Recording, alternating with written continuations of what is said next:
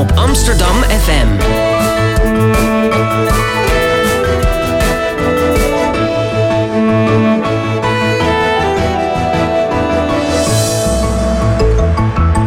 Radio Swammerdam.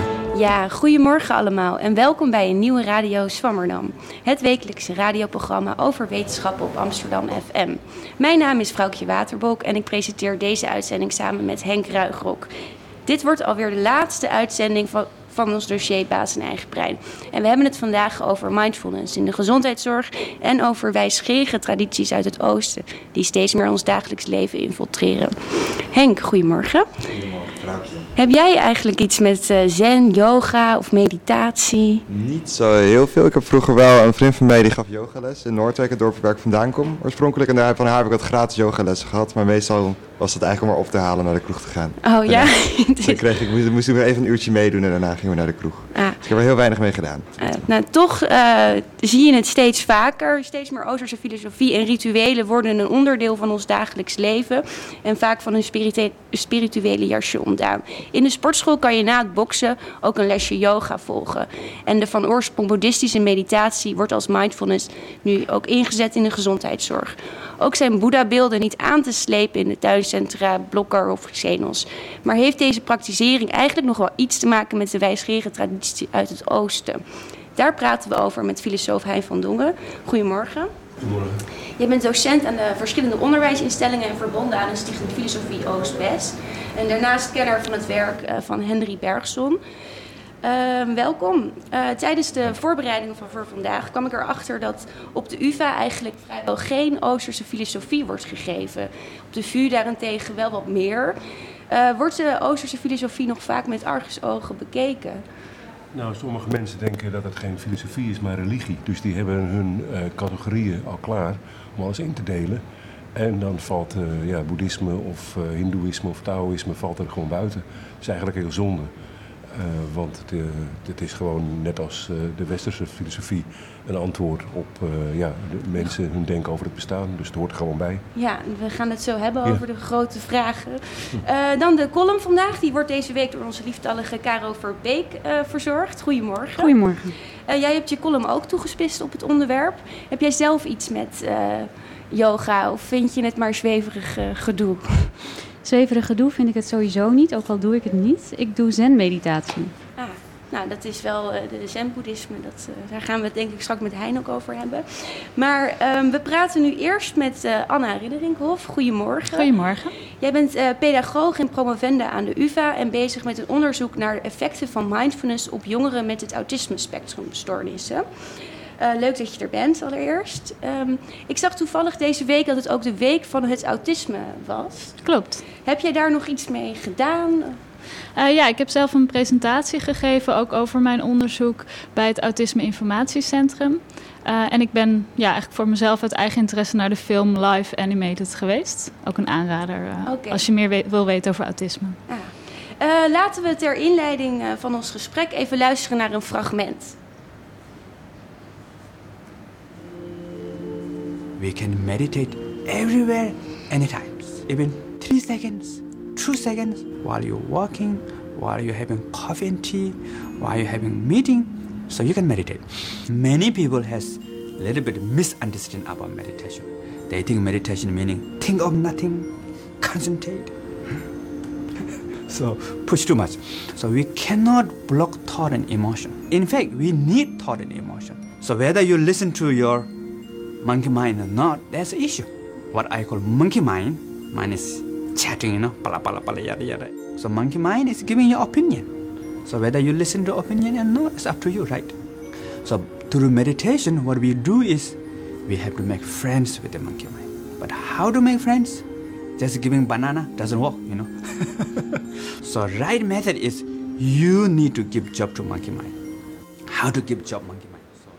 Ja, we hoorden een boeddhistische monnik uh, over zo'n monkey mind. Uh, Anna, hoe train je de monkey mind? Kun je daar iets over vertellen?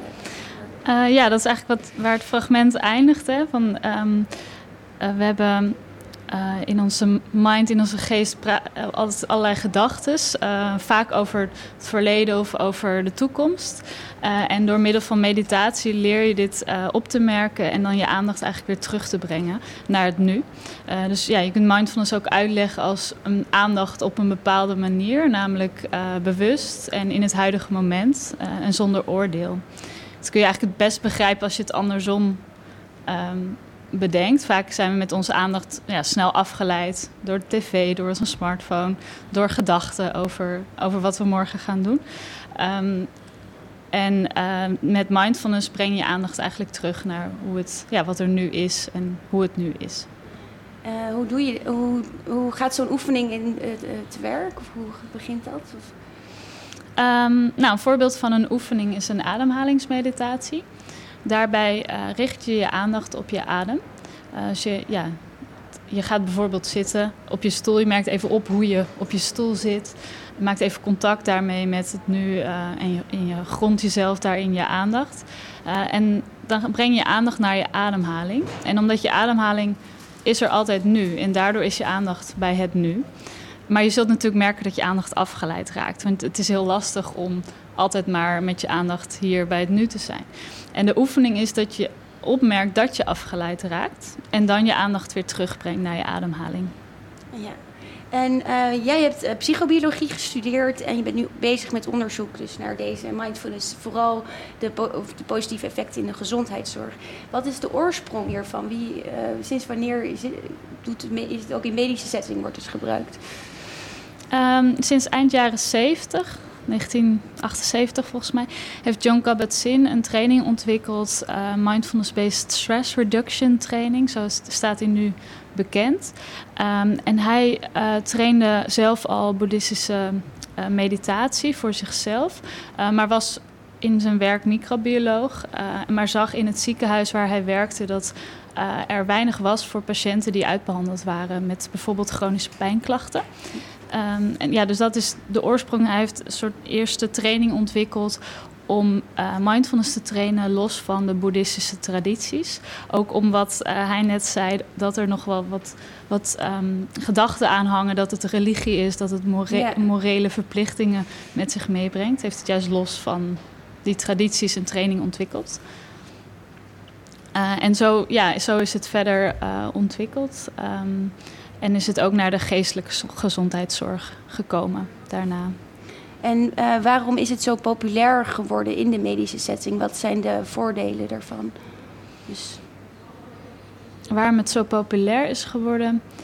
Um, dat is, ja, die vraag kan je denk ik op verschillende ja. manieren beantwoorden. Ik denk dat het is dat veel um, psychische problemen uiteindelijk ook aandachtsproblemen zijn. Dus dat je op een bepaalde manier je aandacht het wordt getrokken naar negatieve gedachten bijvoorbeeld of naar angsten. Ja. En met mindfulness train je die aandacht. En ik denk dat het daardoor op verschillende psychologische problemen aansluit en daardoor ook ja, op verschillende, bij verschillende problemen onderzocht wordt.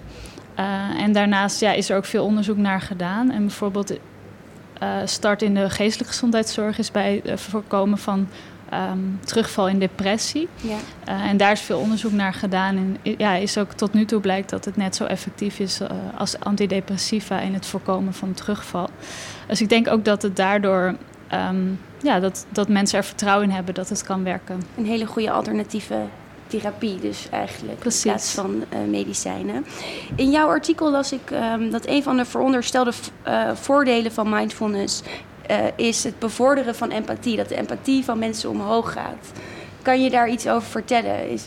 Ja, um, je empathie zou kunnen verhogen doordat je met je aandacht meer bij het nu bent en daardoor ook bij de ander die nu in het nu is. Zoals dat ik nu let op hoe jij op mij reageert. Zonder dat ik ja, er afgeleid raak door allerlei gedachten over andere dingen.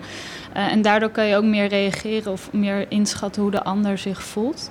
Uh, mindfulness traint je ook bewust te worden van emoties, van je eigen emoties, maar daardoor ook wel meer bewustwording van hoe werken emoties. Uh, waardoor wordt, iemand bijvoorbeeld opeens boos, dat je dat daardoor be beter kan inschatten en daardoor ook beter daarop kan reageren. Dus dat is een verwachting. Uh, ook in de, in de boeddhistische traditie zit veel compassie, bijvoorbeeld compassietraining. Uh, en dat is natuurlijk ook wel gerelateerd aan empathie. Ja, en jullie hebben daar ook een experiment bij gedaan. Klopt. Om te kijken of dat klopt. Dus of mindfulness het empathisch vermogen van mensen omhoog brengt. En wat, ja. wat, is het voor, wat zijn de resultaten daaruit? Ja, we hebben een onderzoek gedaan naar een korte mindfulness oefening van vijf minuten. En die hebben we vergeleken met twee controlecondities. Een ontspanningsoefening en een um, oefening waarbij je je gedachten eigenlijk juist helemaal laat dwalen. Ja. En wij vonden geen verschil tussen die drie oefeningen op hoe empathisch uh, de mensen daarna reageerden op een uh, slachtoffer van uh, ja, buitensluiting. Mm -hmm. um, en ook niet een verbetering in hoe goed ze van gezichten konden inschatten hoe iemand zich voelt. En dat was opvallend, omdat een eerder onderzoek juist wel een verschil had gevonden. Dus ik zou kunnen zeggen dat het nog niet uh, duidelijk is of het wel of, of niet empathie verhoogt. Yeah. In ieder geval, uh, wat wij in ons onderzoek vinden, is dat zo'n korte oefening uh, over het algemeen niet empathie verhoogt. Yeah. Maar we vonden ook bijvoorbeeld dat het bij mensen die wat um, minder, relatief minder narcistische trekken hebben, dus minder op zichzelf gericht zijn als het ware, dat die wel meer um, empathie lieten zien na de mindfulness oefening. Maar de mensen die dus juist wat meer narcistische um, trekken hebben, uh, die, daarbij was het juist een slecht idee om mindfulness toe te passen. Want die uh, lieten minder empathie zien na de oefening. Ah, ja, nou, bijzonder. Um, je had het net ook even over depressie en het voorkomen van terugval, waarbij mindfulness dus wel uh, heel goed is. Um, wat voor bewijs is er dat mindfulness helpt bij depressie en het voorkomen daarvan? Heb je daar ook onderzoek naar gedaan? Nee, ik heb daar zelf geen onderzoek naar gedaan. Dus ik kan alleen vertellen over wat ik heb gelezen over dat uh, onderzoek. Mm -hmm. um, en we zien. Dus de, bijvoorbeeld wat ik net zei, is er laatst een groot onderzoek gedaan. Um, het is vooral een groep in Oxford die daar uh, veel mee bezig is. En ook uh, in Nederland bij uh, Radboud Universiteit Nijmegen. Um, en tot nu toe zien ze veel effecten dat het dus vergelijkbaar effectief is met antidepressiva en het voorkomen van terugval. En vooral bij mensen die meer dan drie keer terugkerende depressie hebben gehad. Oké. Okay. Uh, je, hebt nu nog, je bent bezig met een lopend onderzoek naar mindfulness en dan vooral de effecten van jo uh, jongeren met autisme-spectrumstoornissen. Ja. Um, kan je al iets vertellen over uh, de ervaringen van deze jongeren? Of, ja, ik kan al wel iets vertellen. Um, niet over de onderzoeken die nu nog lopen, omdat ik daar uh, ja, nog bezig ben met, ja. met kijken wat er uitkomt. Maar we hebben een eerste onderzoek gedaan uh, bij onze onderzoeksgroep.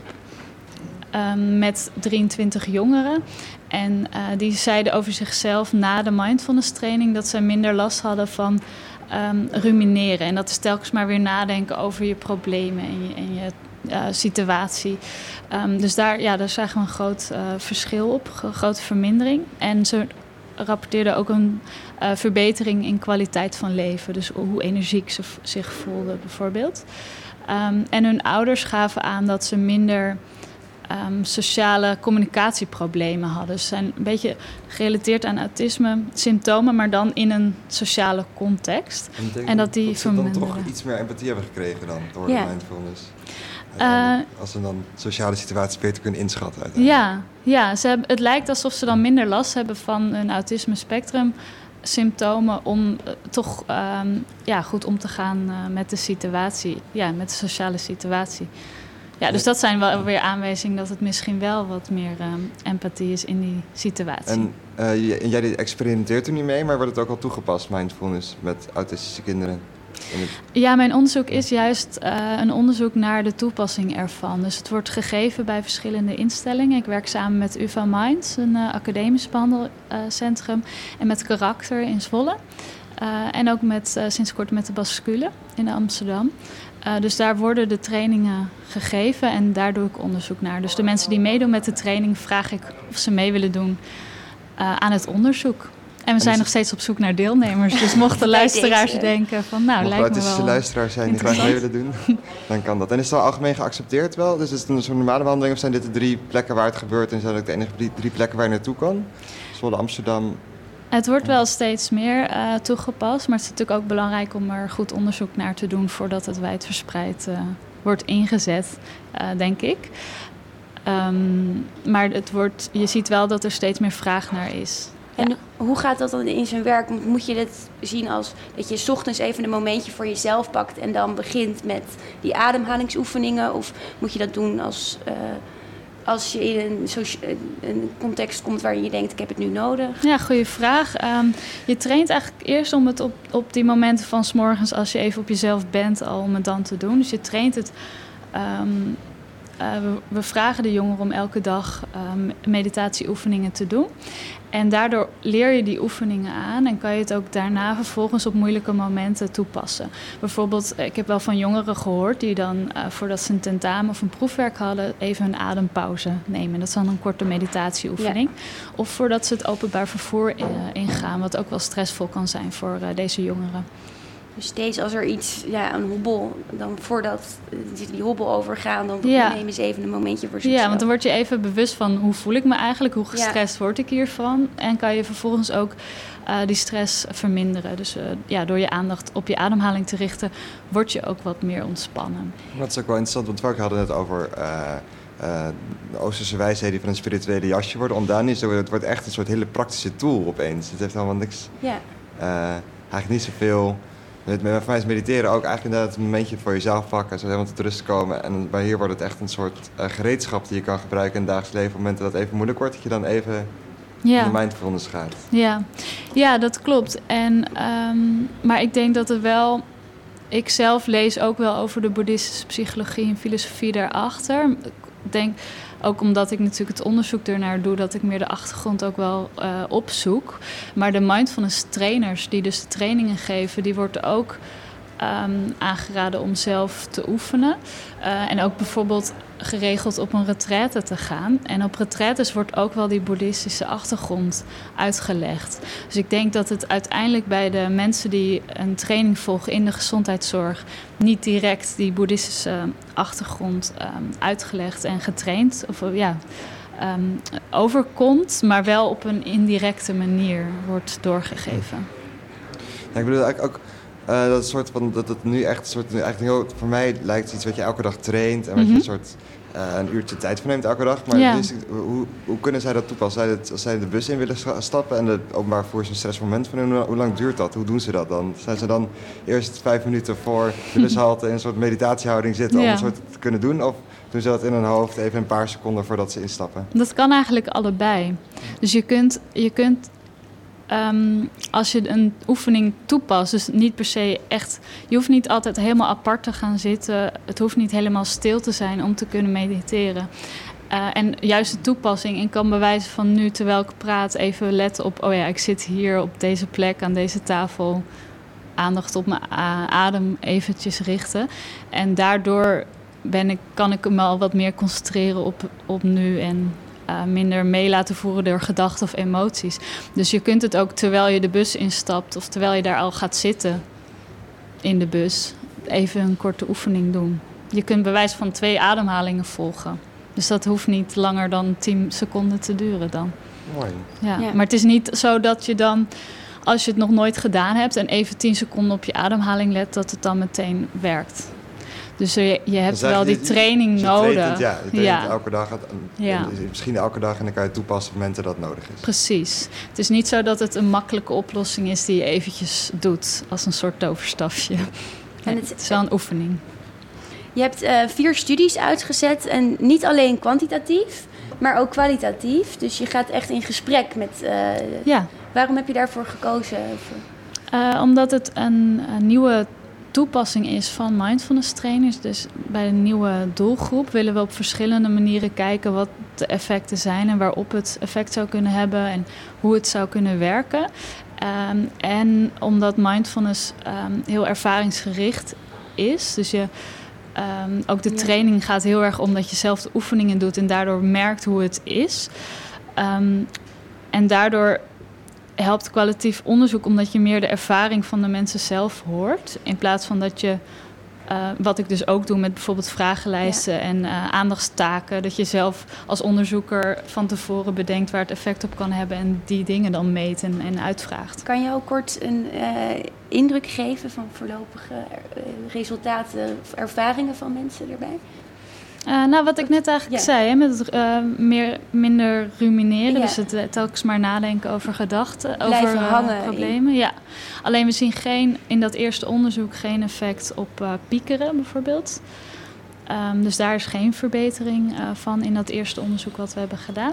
Het is wel een verbetering van kwaliteit van leven. Um, Maar wat is eigenlijk het verschil? Want je ja. noemde net, het rumineren is uh, dat je de hele tijd over je problemen nadenkt. En dan komt Ja. het opnieuw. En, maar wat is het verschil met piekeren? Of is dat Ja. Piekeren is uh, toekomst, meer toekomstgericht. Dus dat je je zorgen maakt over wat er nog Wat als, gaat wat komen. als. Wat als dit, Ja. wat als dat. Ja. En bij de ouders uh, Ja. zien we dat eerste onderzoek... want de ouders volgen tegelijkertijd... Doen die ook mindfulness dan Ja. eigenlijk samen met hun eh, kinderen? Ja, klopt. Ja, dat Ja. is... Dus het is een training van negen weken... waarbij uh, de ouders en de kinderen elke week anderhalf uur komen voor de training. Waarbij de ouders in een groep zitten... en de jongeren en de kinderen in een groep zitten. En wat zie je bij de ouders? Eh, In dit eerste onderzoek Ja. zagen we uh, een verbetering van mindfulness uh, en mindful ouderschap. Dus meer met, een, met aandacht en een soort frisse blik naar je kind kijken. Um, en daar op een um, ja, rustige manier op reageren in plaats van vanuit stress of emotie reageren. Um, en minder stress, meer kwaliteit van leven zagen we bij de ouders ook. Hele, ja. Heel positieve dingen. Ja, maar dat is dus een eerste onderzoek Ja. waarbij we dus van, van voor en naar na de training uh, hebben gekeken wat er veranderd was. Ja. Nou, hartelijk bedankt uh, Anna. Uh, je bent dus nog op zoek naar respondenten. Klopt. Ja, dus bij UvA Minds, of waar moeten ze... Uh... Ja, inderdaad, bij UvA Minds in Amsterdam wordt de training aangeboden en doe ik ook mijn onderzoek. Ja, nou, dankjewel. Uh, we praten straks verder met uh, Hein van Dongen over Oosters denken. Dat kennen we nu ook wel uh, als spiritualiteit of nou ja, mindfulness. Valt ook in het straatje. Ik vind spiritualiteit zelf eigenlijk altijd een beetje een rot begrip. Maar um, het is een containerbegrip. Maar we gaan het er straks verder over hebben. Nu eerst de column van Caro. Een halve minuut per kunstwerk, kopte een artikel in NRC vorig jaar. Dit is de tijd die we besteden aan het kijken naar schilderijen. Zelfs naar meesterwerken en beroemde doeken zoals het Melkmeisje van Vermeer. Het enige verschil is dat we er nu ook selfies bij nemen, waardoor we iets langer stil blijven staan bij wat de kunstgeschiedenis heeft voortgebracht. Onderzoekers begluurden 456 volwassenen, bezoekers van het Art Institute of Chicago. 245 vrouwen en 211 mannen. Met een stopwatch op een smartphone timden ze hoe lang de bezoekers naar een kunstwerk keken en hoeveel tijd ze namen voor het informatiebordje. De helft van de 30 seconden besteden ze aan lezen. De twee jonge vrouwen die alleen selfies maakten en korter dan drie seconden keken, werden niet eens meegerekend, anders was het gemiddelde nog lager geweest. Sommige musea doen ontzettend hun best om via educatieve tools de snelle en vluchtige blik te vertragen. De slow gaze wordt dat genoemd. Wie langer en intensiever kijkt, ziet meer. Mijn tekenleraar zei altijd: Je hebt pas echt goed naar iets gekeken wanneer je het uit je hoofd kunt tekenen. En hij had gelijk. Actief iets kunnen reproduceren vergt natuurlijk aandacht.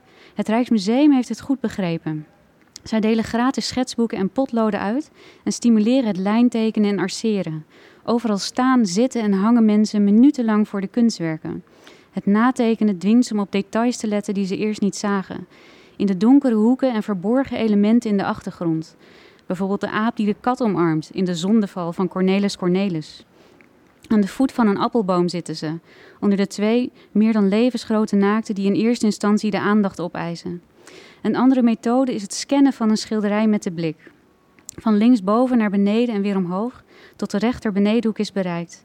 Dan kun je het net zichtbare oog, een stukje gezicht van Rembrandt, helemaal achteraan de meute op de nachtwacht niet meer missen. En dat geeft voldoening. Tot het lawaai en de honderden andere mensen die zich verdringen om ook een intiem momentje met Rembrandt te hebben, jouw gelukzalige toestand verstoren. Een schooljongen botst tegen je op. Je potlood valt uit je handen. Het geluid ervan wanneer het de grond raakt is niet eens hoorbaar in het geroezemoes van de menigte. En een vrouw met een oilily sjaaltje beklaagt zich over het feit dat je het zicht al veel te lang blokkeert. Op de grond zitten levert het risico op dat die iets wat zwaarlijvige meneer met Metallica t-shirt over je zal struikelen. Er is een nog betere en makkelijkere methode om de blik te vertragen. En daarvoor heb je in eerste instantie niet eens alleen je ogen nodig of een potlood, maar je neus. Want van ruiken ga je pas echt goed en lang kijken. Voor de VU cureerde ik samen met Wende Wallert de tentoonstelling Aromatic Art Reconstructed in Search of Lost Sense, naar aanleiding van mijn proefschrift over historische en kunsthistorische geuren. En hierbij zijn ook een aantal geuren te ruiken die gebaseerd zijn op de collectie van het Rijksmuseum, zoals een 18e-eeuwse stijlkamer. Ruiken staat het niet toe om in het voorbijgaan achteloos een glimp op te vangen. Je moet het heel bewust doen. Dus wat mensen hier doen op de tentoonstelling lijkt soms zelfs meer op bidden. Eerst zien ze vanuit de verte een afbeelding, zoals de slag bij Waterloo van Pieneman. Dichterbij gekomen zien ze een glazen fles die leeg lijkt, maar er zit begeurde lucht in. Er zit een rood pompje aan en nu moet je eerst voorover buigen, in de blaasbalg knijpen, de neus goed voor het rietje plaatsen en inhaleren. Meestal zijn mensen eerst wat aarzelend en voorzichtig uit vrees wat er komen gaat. Een aantal seconden lang snuift hij of zij de lucht op. Trillende neusvleugels, woorden die tekortschieten. De bezoeker ademt eerst uit om nog eens te kunnen inhaleren en weer te pompen. Er zijn al 15 seconden voorbij. Even rechtop gaan staan, door laten dringen. De hele handeling herhalen, laten bezinken. Geuren, zo hebben wetenschappers aangetoond, staan in verbinding met ons emotionele brein, onze amygdala. Ze zijn als geen ander zintuig in staat een historische sensatie op te roepen. Ze dwingen je met zachte hand je blik te verscherpen. Beelden worden levendiger, helderder, gaan voor sommige mensen zelfs bewegen. Ze verhogen het realiteitsgehalte. Je wilt het even bespreken met je medebezoeker. Dus die buigt ook, pompt, ademt in, ademt uit, ademt weer in, wacht, ruikt opnieuw. De ander staat vol spanning te wachten. En dan bespreek je met het gebrekkige geurvocabulaire dat er is, wat je net meemaakte, wat er gebeurde. Je was op een andere plek. Mensen komen verbaasd en volledig ontspannen de tentoonstelling weer uit. Over twaalf geuren doen ze meestal bijna een uur. En je hebt heel bewust adem gehaald. Ruiken in het museum vertraagt de blik. Bewust ruiken is mindful. Uh, waar kunnen we deze tentoonstelling uh, zien?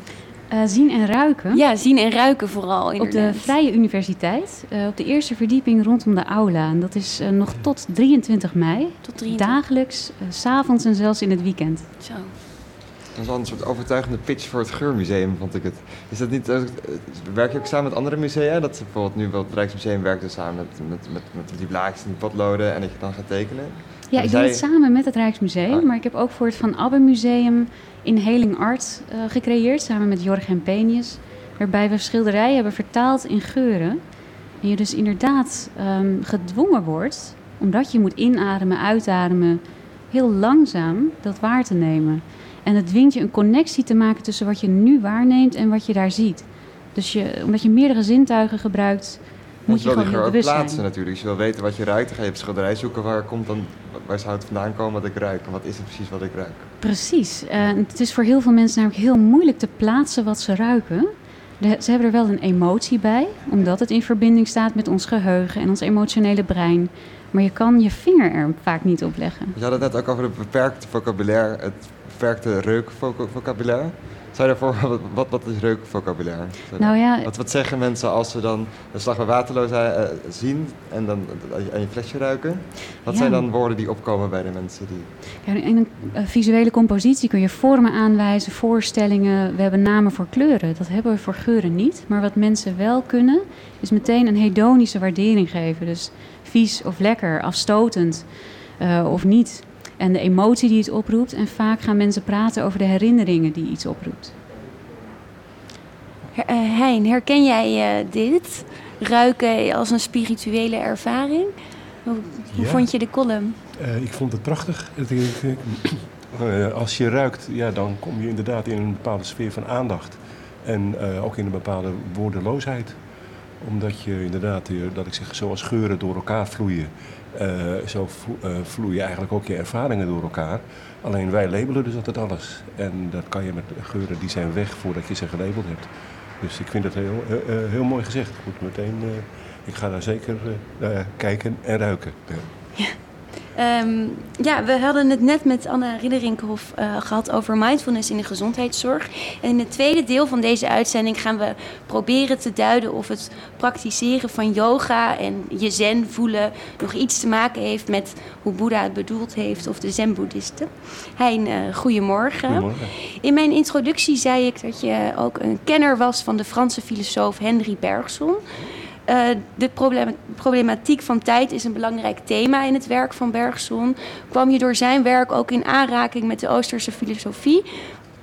Nee, dat ging Nee? eigenlijk uh, uh, ja, gelijk op, zou je kunnen zeggen. Dus toen ik filosofie studeerde, toen vond ik Bergson altijd wel fascinerend. Ja. En ik vond ook Oosterse filosofie en Afrikaanse filosofie interessant. En ja, dat was gewoon een bredere belangstelling dan je aan de universiteit aangeboden krijgt. Dus, maar het was niet voor mij niet dat ik door het een naar het ander kwam. Oké, okay. ja. Um, uh, Zen-boeddhisme en, en, meditatietrainingen zijn erg populair nu. Uh, kennelijk leeft er in de, uh, in de maatschappij toch een soort verlangen naar dit soort ervaringen. Denk jij dat de spiritualiteit oprukt? Ja, ik denk dat. Kijk, spiritualiteit is een moeilijk woord. Ja. Dus eigenlijk heeft het te maken met. Ja, letterlijk zit het woord spirit erin. Ik heb altijd zoiets van. Het heeft iets te maken met geïnspireerd leven. Of met uh, ja, iets van. ja, moet je het zeggen? Toch een bepaalde houding in het leven hebben. En ja, mensen zeggen dan van ik voel me zen, maar goed, de, dat is niet het enige aspect. Kijk, als je in die zen-kloosters komt, dan heeft zo'n docent af en toe ook een stok. En als je dus in slaap valt tijdens de meditatie, dan krijg je er van langs. Dus dan voel je je niet echt zen, denk ik. Dus het is, een, het is een traditie met heel veel, heel veel kanten. En uh, ik denk wel dat de, de ontspannen, mediteren, concentreren hoort bij een bepaalde manier om in het leven te staan. Dus in die zin is het niet alleen maar een techniekje, denk ik. je kan je indenken dat er ook ethische kanten aan zitten. Ja, als jij bijvoorbeeld, nou ik zeg allerlei dingen op je kerfstok hebt, dan voel je je niet bepaald rustig. Nee. En dan kan je mediteren wat je wil, maar dat gaat niet meer weg. Daarom kan je beter de goede dingen doen. Wanneer kwam de westerse filosofie met het denken uit het oosten in contact? Of zijn we dat eigenlijk een beetje verloren met hoe ze het bedoeld hadden? Nou kijk, dat is de, de grote, uh, moet je zeggen, uh, import van Oosterse ideeën begint eigenlijk in de 19e eeuw. Daarvoor waren er wel mensen van op de hoogte, maar dat was echt heel sporadisch. En er waren bepaalde groepen, de, uh, bijvoorbeeld zoals de Theosofen, die daar erg veel aan gedaan hebben om het oosten naar het westen te vertalen. En daarin is ook wel wat veranderd. Bijvoorbeeld, uh, ja, wij proberen het bij onze religie en onze wetenschap te laten aansluiten. En, de, de, maar dat, dat proces van dat het verhuist van de ene cultuur naar de andere, dat is voortdurend aan de gang. Dat is, dat is al, al de 20, 25 eeuw is dat het geval. Het boeddhisme komt oorspronkelijk uit, uit India. Daar zijn nu nog ongeveer 10 miljoen boeddhisten. Dat zijn er niet zo heel veel. Het is naar China gegaan. Uh, en toen is het naar uh, Japan gegaan, naar Korea, naar Thailand. Mm. En nu naar Californië en Amsterdam. Ja, een dat is de, zo gaan die dingen. Uh, ja, we weten natuurlijk niet werkelijk wat Boeddha heeft gezegd, maar we hebben zijn teksten, de edele waarden. Uh, wat staat daarin? Kun je ons dat vertellen? Ja, kijk, de vier edele waarheden zijn, gaan eigenlijk over de, de fundamentele, uh, het fundamentele punt van het lijden. Dat ja. lijden wordt door begeerte of dorst aangewakkerd. en je, je, zult, je zult een weg moeten vinden om die dorst of die begeerte te laten verstillen. En het vierde punt is dat je daarvoor een weg van het midden moet volgen. Namelijk twee uitersten vermijden. Namelijk zeg maar pure genotzucht en pure ascese. Want als je namelijk per se uh, een, van al je begeerten wil afstand doen... dan begeer je als het ware heel fel naar begeerteloosheid. En dat is een enorme paradox. Daar moet je niet in verzeild raken. Dus je zoekt eigenlijk het middenpad. Uh, en dat doe je door ook een aantal leefregels te volgen. Hoe bereik je dat middenpad dan? Uh, ja, dat doe je door op elk moment een keuze te maken voor ja, wat dan heet het achtvoudige pad, juiste zienswijze, juiste levenswandel, juiste beroepsuitoefening. En als, als slotpunten dus aandacht en concentratie. Dus de, het is een, je kan het vergelijken met de tien geboden, maar met het grote verschil niet alleen dat het om acht punten gaat in plaats van tien, maar vooral dat er ook innerlijke aspecten aan, aan die levenswandel zitten. Dus je moet je aandacht op de juiste dingen richten. Je moet je op de juiste manier leren concentreren. Het is eigenlijk een soort onderwijsprogramma, maar dan niet voor, alleen voor de lagere school of de kleuterschool, maar voor je hele leven. waar je ook steeds weer mee moet beginnen, elke dag opnieuw. Ja, we hadden het net over mindfulness. Zie jij eh, heel veel overeenkomsten? En denk je dat het goed is dat nu ook de medische wereld dit soort uh, ja, uh, zen-ervaringen oppakt? Ja, dat lijkt me heel goed. Ja. het is niet alleen maar Oosters overigens om ja. dingen met aandacht te doen. Het, ja. gelukkig, gelukkig, kunnen de Westelingen dat net zo goed. Alleen ja, in onze cultuur raakt concentratie en aandacht wordt op een bepaalde manier schaars. Er wordt voortdurend van je geroofd. Dus uh, het is heel belangrijk om uh, uh, daar weer, daarin weer een beetje terug te keren tot je eigen ervaring en inderdaad weer bij het nu te komen. En dus elk moment opnieuw een opgave. Dat is niet zoiets van, kijk mij dat kunstje is beheersen. Dat, straks ben je misschien weer afgeleid. Ja, dat is inderdaad. Um, hoe, hoe hadden de zen-boeddhisten het bedoeld? Het, hoe ging zo'n training in zijn werk? Ja, dat is heel moeilijk te achterhalen, omdat namelijk uh, dat niet uh, beschreven is. Dus uh, het ging eigenlijk om een traditie die probeerde, in, in ieder geval bij Zen, om afstand te nemen van het verbale niveau. dus wij zitten in een, in een woordenwereld, zou je kunnen zeggen, en willen alles benoemen. En dat soort trainingen, die gingen eigenlijk, ja, dat, dat, waren dus inwijdingen. En die inwijdingen betekenden eigenlijk dat men gebruik maakte van ja, levend onderwijs. En, uh, uh, en niet dat er een theorie bij kwam. Dus er is geen instructieboekje of stappenplan uh, over meditatie uit de oudheid zeg maar, overgeleverd. Mm -hmm. bijvoorbeeld Patanjali, het boek over yoga, als je dat gaat lezen, ja, daar staat één zinnetje in dat je in de juiste houding moet gaan zitten. en nou ja, er zegt niet welke. dus van de 180 aforismen is er één praktisch. dus waarschijnlijk ging dat dus vergezeld van onderwijs, wat dat allemaal ja, inkleurde en uh, ging toelichten. Eén op één waarschijnlijk. Ja.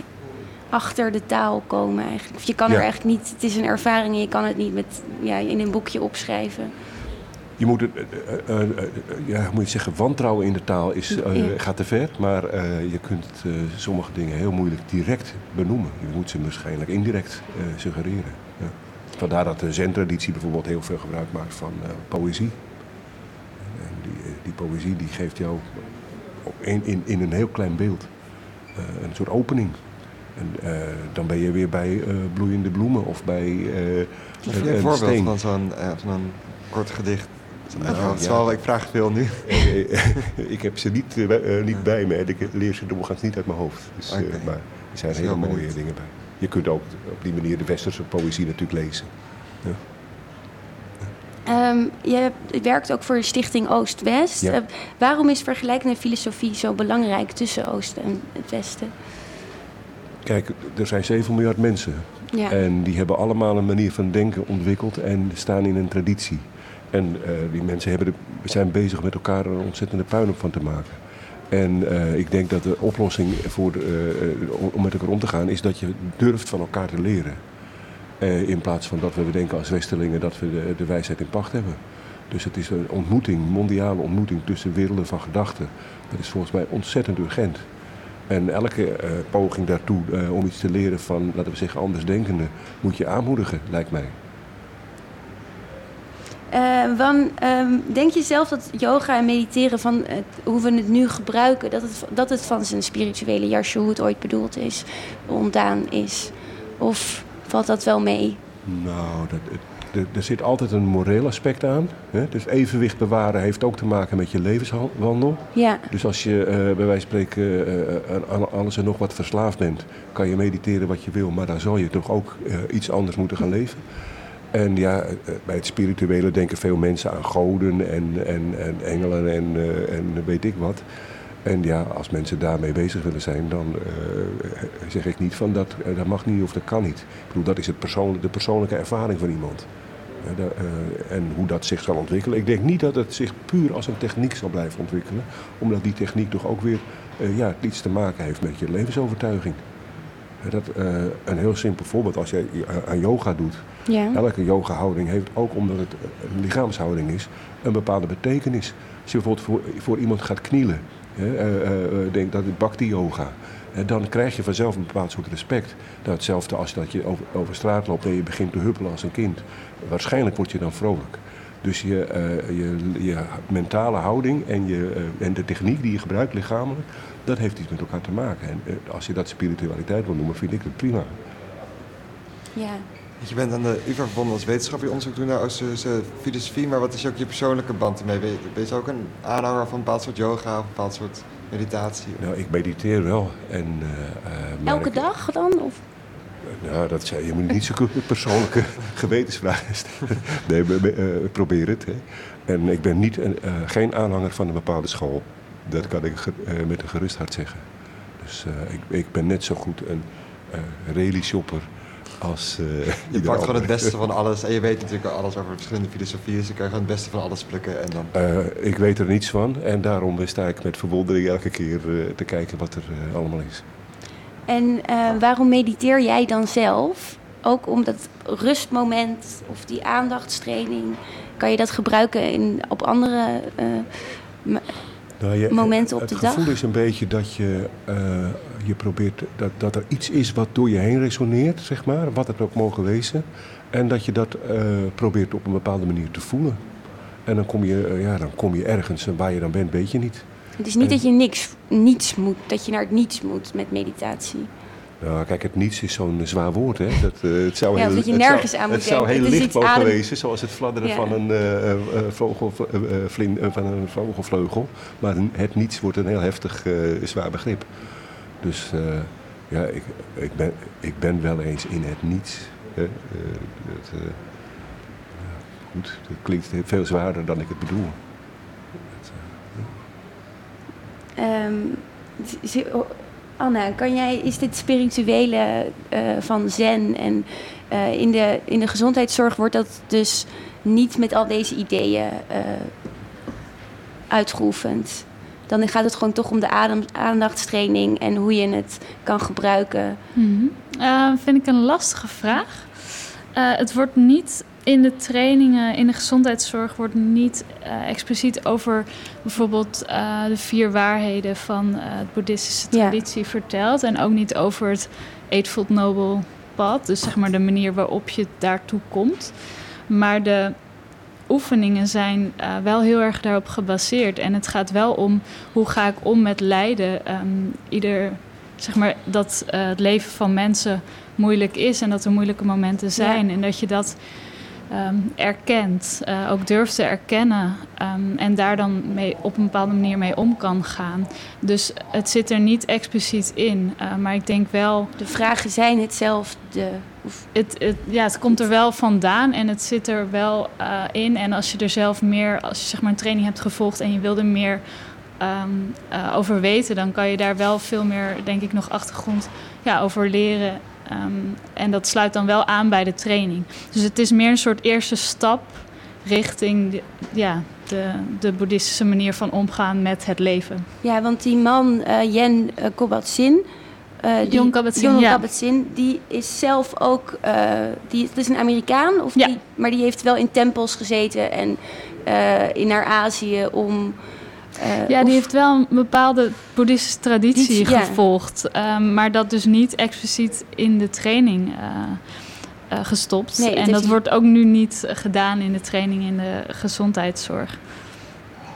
Dus Ja. misschien een wat onduidelijk antwoord op de vraag. maar beetje is dat- mijn eh, beeld Ja. ervan tot door, nu door toe. de training raak je oppervlakkig.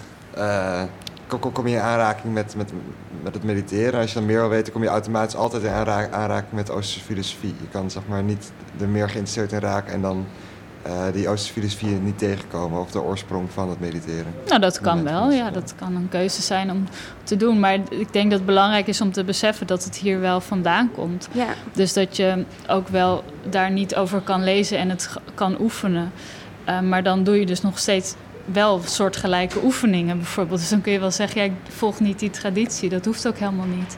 Maar je bent wel bezig met nou ja, bewust worden van wat gaat er door me heen aan emotie, wat gaat er door me heen aan gedachten. Ehm, het, is, ja, het is een aandachtstraining en een bewustwordingstraining. Ja. Eh, ja ehm, Hein, zen en meditatie, doen we dat dan ook om gelukkiger te worden of innerlijke vrijheid? Is dat dan zoiets waar we dan naartoe willen als je aan het mediteert? Of? Ik denk dat, uh, ja, dat, dat zijn, uh, het klinkt heel mooi. Ja. En uh, ik, waarschijnlijk verlangen er een hele hoop mensen naar, naar innerlijke vrijheid. En dit is een methode om daaraan te werken. Maar het is, ja. Maar is niet juist het streven naar geluk ook een um, probleem? ja, dat, ook, gaat, dat, dat vind ik een heel belangrijke aanvulling. Dus dat, eh, als je, werkelijk dat, die weg van het midden probeert te volgen, moet je dus eigenlijk je krampachtige uh, manier van ik wil gelukkig zijn, ik moet nu gelukkig zijn, ik wil gelukkig zijn, maar ik, wil, ik ben ongelukkig, ik ben ongelukkig. Dat moet je helemaal weglaten. Uh, de, want de, de, dan kom je dus in juist in die paradoxale begeerte. ja, en ik weet ook niet of die vorm van geluk. Het is eigenlijk een soort afvinklijstje. Wanneer ben je nou gelukkig? Ja, maar ik, moet, ik moet meer verdienen en uh, enzovoort enzovoort. En ik geloof, daar geloof ik niet in. Dus dat is inderdaad een soort van loslaten. Maar uiteindelijk is dat, leidt dat waarschijnlijk tot een diepere uh, staat van voldoening. En ja, die mag je wat mij betreft ook alweer geluk noemen. He, dat, is, ja. dat is zo moeilijk uh, uit te leggen in, in gewone taal. Maar, het is altijd een moment. En dan ga je weer naar het volgende moment. Ja, je kan zeggen dat de kwaliteit van leven volgens mij door, door dit soort, uh, noem het maar dan, technieken wel verbeterd wordt. Maar uh, het heeft dus inderdaad alles te maken met ook jouw levensinstelling. Dus als je een meditatiejunk bent, om het zo maar te zeggen, dan loop je waarschijnlijk toch daarin vast. Dus de, de, dat loslaten is een bepaald soort luchtigheid ook. En dat is ja, soms, dat is juist het moeilijke, omdat het zo, uh, eigenlijk zo klein is. En bij hele grootse dingen willen, zoals wijsheid, verlichting, enzovoort, enzovoort. Dus, uh, en dat moet je loslaten? Eigenlijk wel, ja. ja. ja, ja. Uh, ik heb een hele gekke vraag. Nou. Mm, kunnen, zijn dieren mindful? Zouden dieren kunnen mediteren? Ze hebben, voor zover wij weten, geen taal, dus ze denken minder of niet in taal. Bewerkstelligt dat misschien mindfulness? Zijn dieren meer in het hier en nu? Ik uh, heb ja. nooit zelf in de geest van een dier gezeten. Nee. Maar ik uh, kan me voorstellen dat dieren minder nadenken, als je het nadenken kan noemen, over verleden en toekomst. Dus meer in het nu zijn, in die zin, opmerken wat er nu is. En daardoor zou je kunnen zeggen meer mindful zijn. Er is een plaatje, dat is een vrij bekend plaatje, misschien kennen jullie die ook wel, waarin je een, een vrouw ziet lopen met haar hond. En um, er staat onder mindful or mindful. En waarbij dat vrouw, die vrouw een gedachtenwolk heeft met allerlei andere gedachten, gebeurtenissen. En de hond een gedachtenwolk heeft met precies het uitzicht zoals ze, ze het hebben op dat moment. Ja. Mooie vraag ook, ja. En, en uh, er zijn allerlei uh, uh, gedichten waarin ook dieren worden beschreven als voorbeelden van één met het universum, zou je kunnen zeggen, omdat ze er gewoon in zitten terwijl ze dingen ondergaan. En westerse filosoof Plotinus die zegt, zelfs een steen contempleert. Met andere woorden, de hele, het hele universum is aan het mediteren. Er is er één, de, één soort die niet meedoet. maar ja. want dieren hebben natuurlijk ook, want voor mij is mediteren ook toch uh, een soort manier dat je soort de, de, de, eerste primaire behoeftes een beetje ja. laat gaan. Dat je, en de dieren zijn natuurlijk alleen maar bezig met de eerste primaire driften. Ik weet niet of dat uh, waar is. Uh, Die, dieren zijn, ja. Ik vind het toch ook dat dieren toch wel echt mindful zijn. En je hebt ook ja. dieren met trauma's. Ja, het is wel een punt van dat, ja, dat je bezig bent met oh. primaire behoeftes ja, als dier. Ja. Um, hey, nog, uh, hoe denk je dat uh, wetenschap uh, van Oosters denken en de praktijk van mediteren het beste met elkaar verbonden kan worden? Dus de teksten lezen of gewoon het doen, kan dat eigenlijk? Want mediteren is toch ja, gewoon praktisch. Alle, ja, ik denk dat het heel goed te combineren is. teksten of tradities gaan meer spreken als je er iets van af weet. Ja, dat, uh, dat, is denk ik, uh, dat geldt voor eigenlijk voor elke uh, manier van doen. Hè. Dus, een, een, orgelbouwer, bij wijze van spreken, die, die moet ook iets meer van fysische theorieën of van, van muziek weten om een goede orgelpijp te kunnen maken. Dus ik denk dat, dat op alle gebieden, zeg maar, theorie en praktijk helemaal niet zo. Ja, dat zijn geen gescheiden dingen. Nee. Alleen sommige dingen kun je benoemen en andere kun je wat minder benoemen. Dat is eigenlijk gewoon een ambacht. Het is een bepaalde ambacht, ja. Ja, dat denk ik wel. Ja. Ja, ehm, mediteren en spirituele ervaringen. Het blijft een mysterie, maar ik hoop toch dat we iets van dit mysterie aangeraakt hebben in deze uitzending. Anna, heel veel succes met het verdere onderzoek. Dankjewel. En ehm, ja, jullie allemaal bedankt. Bedankt voor het luisteren naar deze aflevering van Radio Zwammerdam, waarin we het hadden over mindfulness in de gezondheidszorg en wijsgerige tradities uit het oosten. Uh, beide erg bedankt voor jullie komst. De column werd verzorgd door Caro Verbeek. Ook weer erg bedankt. Achter de knoppen zat Luc vandaag. We hebben hem niet gehoord, dus het is zijn werk uitstekend gedaan. En natuurlijk dank ik ook Henk als tweede presentator van deze uitzending. En, en zo is deze aflevering voorbij gevlogen. Ik hoop dat hij volgende week ook weer luistert. Uh, deze uitzending is later vanmiddag te beluisteren via SoundCloud of als podcast via iTunes of Stitcher. Maar als jullie onze website in de gaten houden, zien jullie hem daar ook op verschijnen. www.radiozwammerdam.nl is onze website. Mijn naam is Vrouwtje Waterbok en ik wens u een hele fijne zondagmiddag.